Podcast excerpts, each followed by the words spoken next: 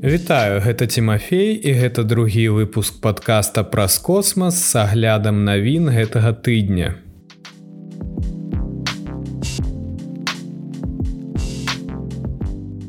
Сёння раскажу вам пра касмічны апарат Люсі, які зрабіў здымкі зямлі і месяца, азонавую дзірку, жахліва вялікі патэнцыяльна небяспечны астэроід, які прыляціць па арбіце зямлі ў бліжэйшы час. Пра жудасныя выявы стаў паўтварэнне і іншыя. Таму давайте пачынаць.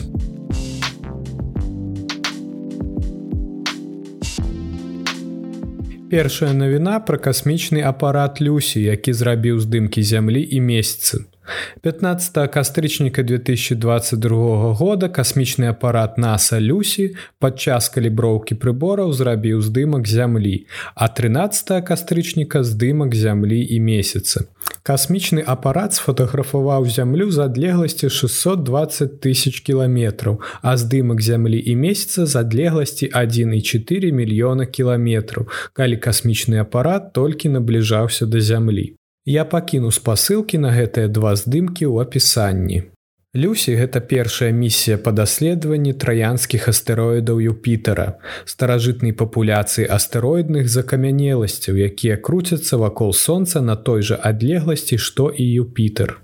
Каб дабрацца да астэроідаў, траекторыя касмічнага карабля Люсі уключае ў сябе тры зямныя гравітацыйныя сустрэчы.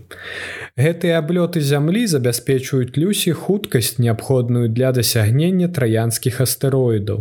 У сваім 12гадовым вандраванні Люсі прыляціць міма 9 астэроідаў і даследуе іх склад, шчільнасць і разнастойнасць у пошуках падказак, каб лепш зразумець фармаванне нашай сонечнай сістэмы. Хоць гэта ўражлівая колькасць астэроідаў для вывучэння за адзін раз, але па дадзеных міжнароднага астранамічнага саюза вакол Юпітера круцяцца да 12 тысяч траянскіх астэроідаў. Навукоўцы лічаць, што гэтыя пароды з'яўляюцца скамянеласцямі ўзростам каля 4 мільярдаў гадоў, якія засталіся ад фарміравання сонечнай сістэмы.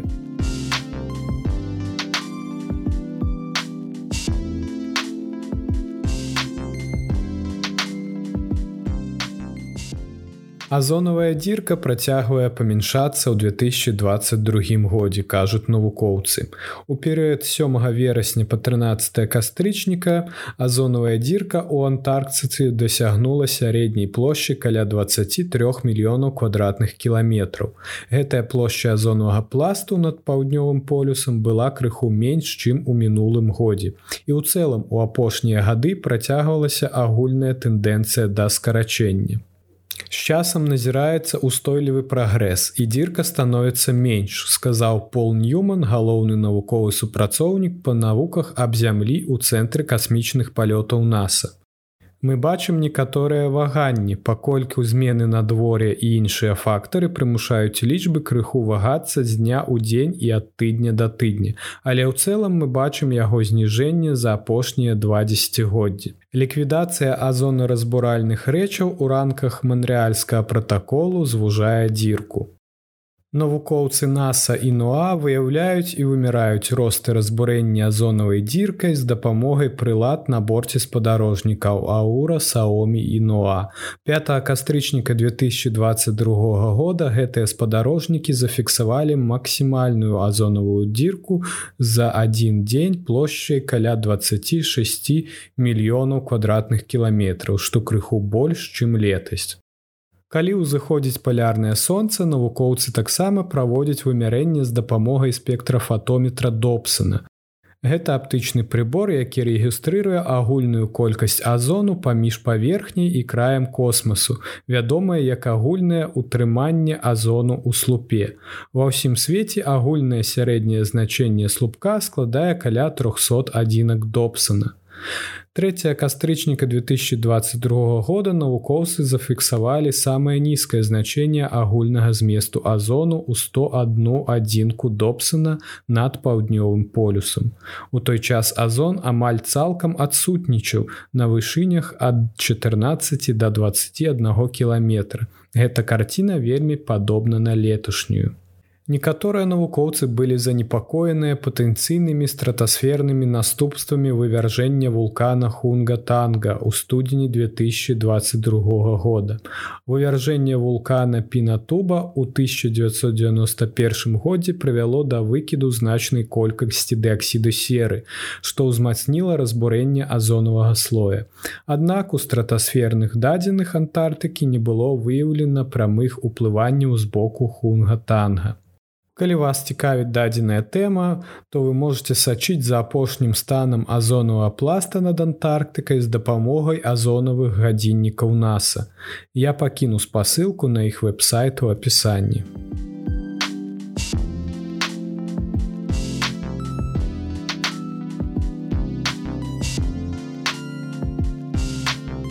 Жахліва вялікі патэнцыйна небяспечны астэроід праляціць па арбіце зямлі ў дзень усіх святых. Але не трэба панікаваць, калі вы слухаеце мой падказ да Хэллоуіна, то у вас яшчэ ёсць час даслухаць яго да канца. Па дадзеных NASAа нядаўна выяўлены патэнцыйна небяспечны астэроід памерам амаль самы высокі хмарачос у свеце павінен прыляцець міма зямлі якраз на Хэллоуін. Астэроід пад назвай 2022 RM4 мае дыаметр ад 330 до 740 метраў. Гэта крыху менш вышыні дубайскага бурж-халіфа, самага высокага будынку ў свеце вышынёй 828 метраў. Астэроід праляціць міма нашай планету з хуткасцю каля 84 з паловай тысячи кіламетраў гадзіну, што прыкладна 68 разоў превышае хуткасць гуку. Пры максімальным збліжэнні 1 лістапада астэроід наблізіцца да зямлі прыкладна на два з паловай мільёна кіламетраў, што прыкладна ў 6 разоў перавышае сярэднюю адлегласць паміж зямлёй і месяцам. Але па касмічных мерках гэта вельмі невялікі запас. NASAа пазначае любы касмічны аб'ект, які знаходзіцца на адлегласці 193 мільёна кіламетраў ад зямлі як калязямны аб'ект і класіфікуе любое буйнае цело ў межах ад 4 з паловай до 7 з паловай мільёна кіламетраў ад нашай планеты як патэнцыйна небяспечныя. Пасля выяўлення гэтых патэнцыйных пагроз, Астраномы ўважліва назіраюць за імі, вывучаючы іх з дапамогай радара на наяўнасць прыкмет любога адхілення ад іх прадказаных траекторый, якія могуць прывесці да разбуральнага сутыкнення з зямлёй. NASAа адсочвае месцазнаходжання і арбіты прыкладна 28 тысячаў астэроідаў, вызначаючы іх з дапамогай сістэмы абвесткі аб сутыкненні з зямлёй пад назвай Атлас. Эта група з чатырох тэлескопаў здольных выконваць поўнае сканіраванне ўсяго начнога неба кожныя 24 гадзіны. З моманту запуска атласа ў 2017 годзе ён выявіў больш за 700 калязямных астэроідаў і 66 камет. Два з выяўленых атласам астэроідаў 2019 мо 2018 ла сапраўды сутыкнуліся з зямлёй. Першы ўзарваўся ля паўднёвага ўзбярэжжа полртарыка, а другі здзейсніў аварыйную пасадку ў мяжы бацваны і паўднёвай Афрыкі. На шчасце гэтыя астэроіды былі невялікімі і не прычынілі ніякай шкоды. NASAа ацаніла траекторыю ўсіх каляземных аб'ектаў да канца стагоддзя. І добрая навіна заключаецца ў тым, што па дадзеных NASAа зямля не сутыкнецца з астэроідамі па менш меры ў бліжэйшыя 100 гадоў. Калі астраномы калі-небудзь заўважаць небяспечны астэроід, які накіроўваецца да нас, то касмічныя агенствы ўсяго света ўжо працуюць над магчымымі спосабамі яго адхілення. 26 верасня касмічны карабель дарт перанакіраваў бяспечны астэроід дэмарфоз збіўшы яго з курсу змяніўшы арбіту астэроіда на 32 хвіліны падчас першага выпрабавання планетарнай сістэмы абароны зямлі.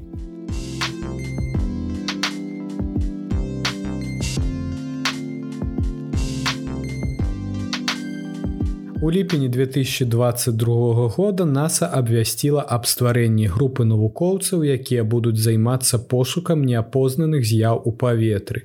І вось 24 кастрычніка група пачала сваю працу. Даследаванне закране шэраг пытанняў, звязаных з назіраннямі аб'ектаў у небе, якія не былі ідэнтыфікаваны як самалёты ці іншыя прыродныя з'явы. Даследаванне будзе каштаваць каля 100 тысячаў даляраў і працягнецца каля 9 месяцаў. Гэта даследаванне не ставіць за мэту стаць апошнім словам аб НЛА.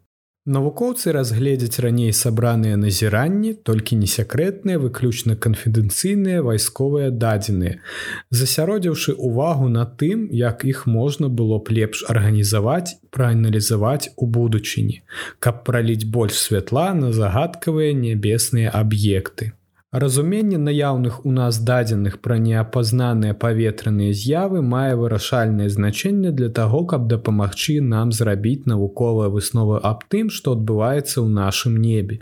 Дадзеныя гэта мова навукоўцаў якая робіць невытлумачальнае вытлумачальным сказаў томас зарбухін намеснік адміністратора управлення навуковай місіі ў штаб-кватэры наса наса сабрала разам некалькі вядучых сусветных навукоўцаў адмыслоўцаў пададзеных і штучнаму інтэлекту экспертаў па аэракасмічнай бяспецы. І ўсе яны паставілі перед сабой пэўную задачу распавесці нам як ужыць усю навуку і дадзеныя аб неапазнаных паветраных з'явах гаварыцца ў заяве наса. Па словах афіцыйных асоб наса высновы каманды будуць апублікаваны ў сярэдзіне 2023 года калі даследаванне завершыцца нам застаецца толькі чакаць паглядзім да якіх высноў прыйдуць навукоўцы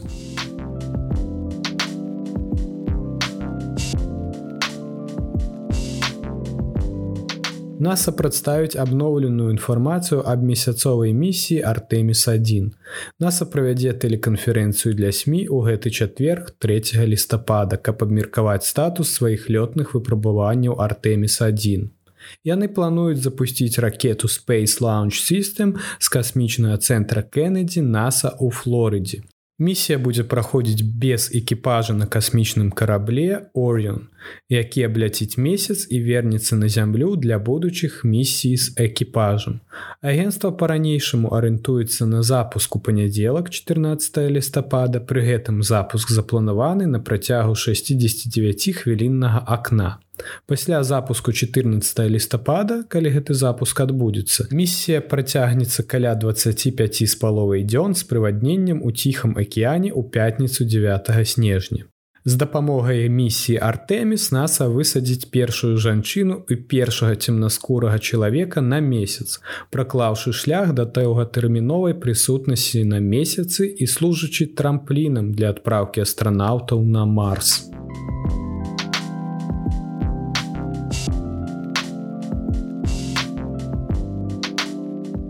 Касмічны тэлескоп Джеймс Веб зрабіў новую жудасную выяву слупоў тварэння. Гэты змрочны від на культавую касмічную пыльную структуру якраз той самы настрой для хэллоуна, які нам зараз патрэбен. Тысячы зорак, якія існуюць у гэтым рэгіёне, знікаюць з поля зроку і цэнтральным элементам становяцца бясконцыя пласты газу і пылу, напісалі прадстаўнікі еўрапейскага касмічнага агенцтва. Вы можете паглядзець на гэты здымак, я пакіну спасылку ў апісанні. У гэтых шчільных шэра-блакітных слупах актыўна фармуецца мноства зорак. Калі ў гэтых абласцях утворацца згусткі газу і пылу з дастатковай масай, яны пачынаюць калапсаваць пад дзеяннем уласнага гравітацыйнага прыцягнення, павольна награваюцца і ў канчатковым выніку утворваюць новыя зоркі, гаворацца ў той жа заяве.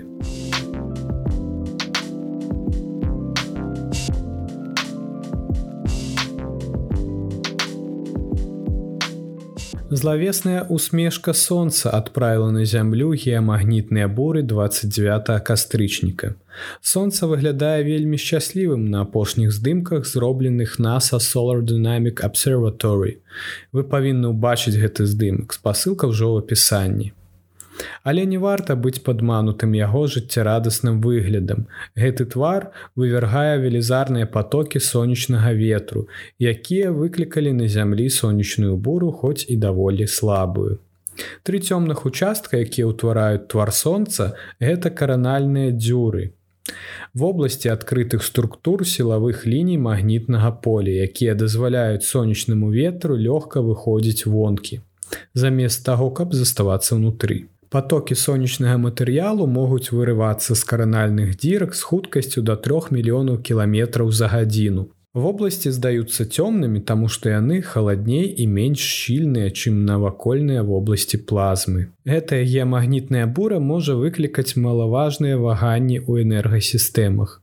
Больш экстрэмальныя сонечныя буры, такія карынганская падзея, каласальная сонечная буря, якая адбылася ў верасні 1859 года, парушыла працу тэлефонных службаў па ўсім свеце і выклікала настолькі яркія і магутныя палярныя зянні, што іх можна было ўбачыць нават на поўдні. Чакаецца, што сонечная актыўнасць узрасце па меры набліжэння сонцу да найбольш актыўнай фазы свайго 11гадовага сонечнага цыклу. Прагназуецца, што гэтая фаза максімальнай актыўнасці будзе дасягнута ў 2025 годзе.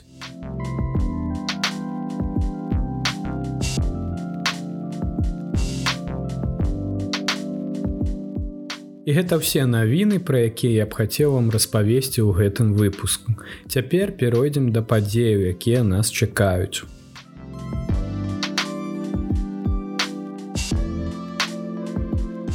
NASA запрашае ўсіх на запуск місіі JPSS2. 1 лістапада пачнецца другая місія JPSS NASA сумесна з нацыянальным управленнем акіянічных і атмасферных даследаванняў.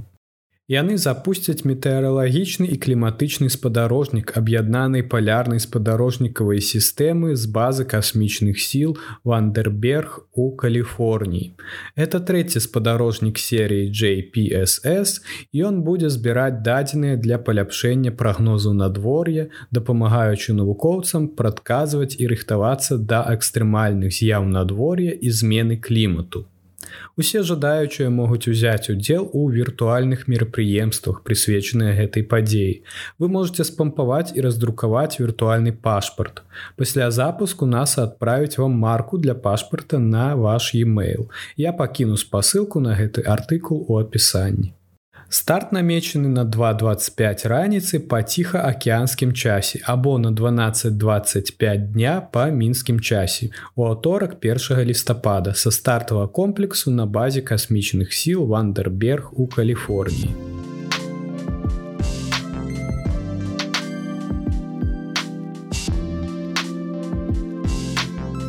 8 лістапада адбудзецца поўнае месячнае зацьменне. Яно будзе даступна для назірання з Азіі, Аўстраліі, паўночнай Амерыкі, некаторых раёнаў паўночнай і ўсходняй Еўропы і большай частцы паўднёвай Амерыкі.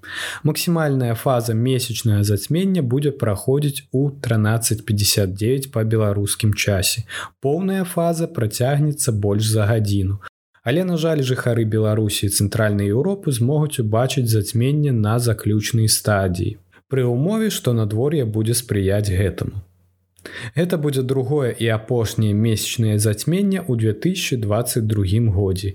Першае адбылося 16 траўня 2022 года цэлым каля двух з паловай мільярда чалавек атрымаюць магчымасць назіраць за лепшай часткай гэтага месяцовага шоу. У іншых частках свету будуць бачны альбо толькі частковыя этапы зацьмення, альбо зацьменне адбудзецца, калі будзе дзённы час і месяц не будзе над іх мясцовым гарызонтам.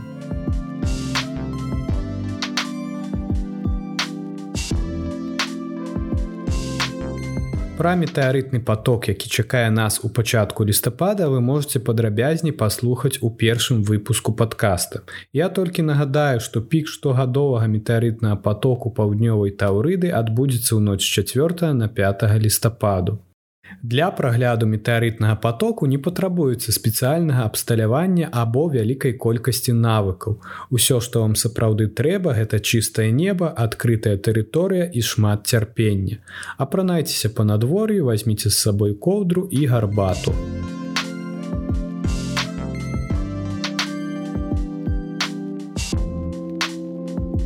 4 лістапада у пракат выйдзе фільм дабранач опі гэты натхняльная рэальная гісторыя марсахода апатюніці які быў адпраўлены на марс з 90-дзённай місіі але ў выніку праіснаваў там 15 гадоў. Фільм распавядае пра наватарскае падарожжа апатюніці на марс і пра выдатную сувязь паміж роботам і людзьмі якія знаходзяцца за мільён міль ад марсахода Сусветная прэм'ера адбылася раней 3 верасня 2022 года на кінафестывалю Тэлурыт. У кінотэатрах ЗША гледачы змогуць убачыць гэты фільм ужо 4 лістапада. А вось гледачы ўсяго свету змогуць убачыць яго на прайм відео толькі 23 лістапада.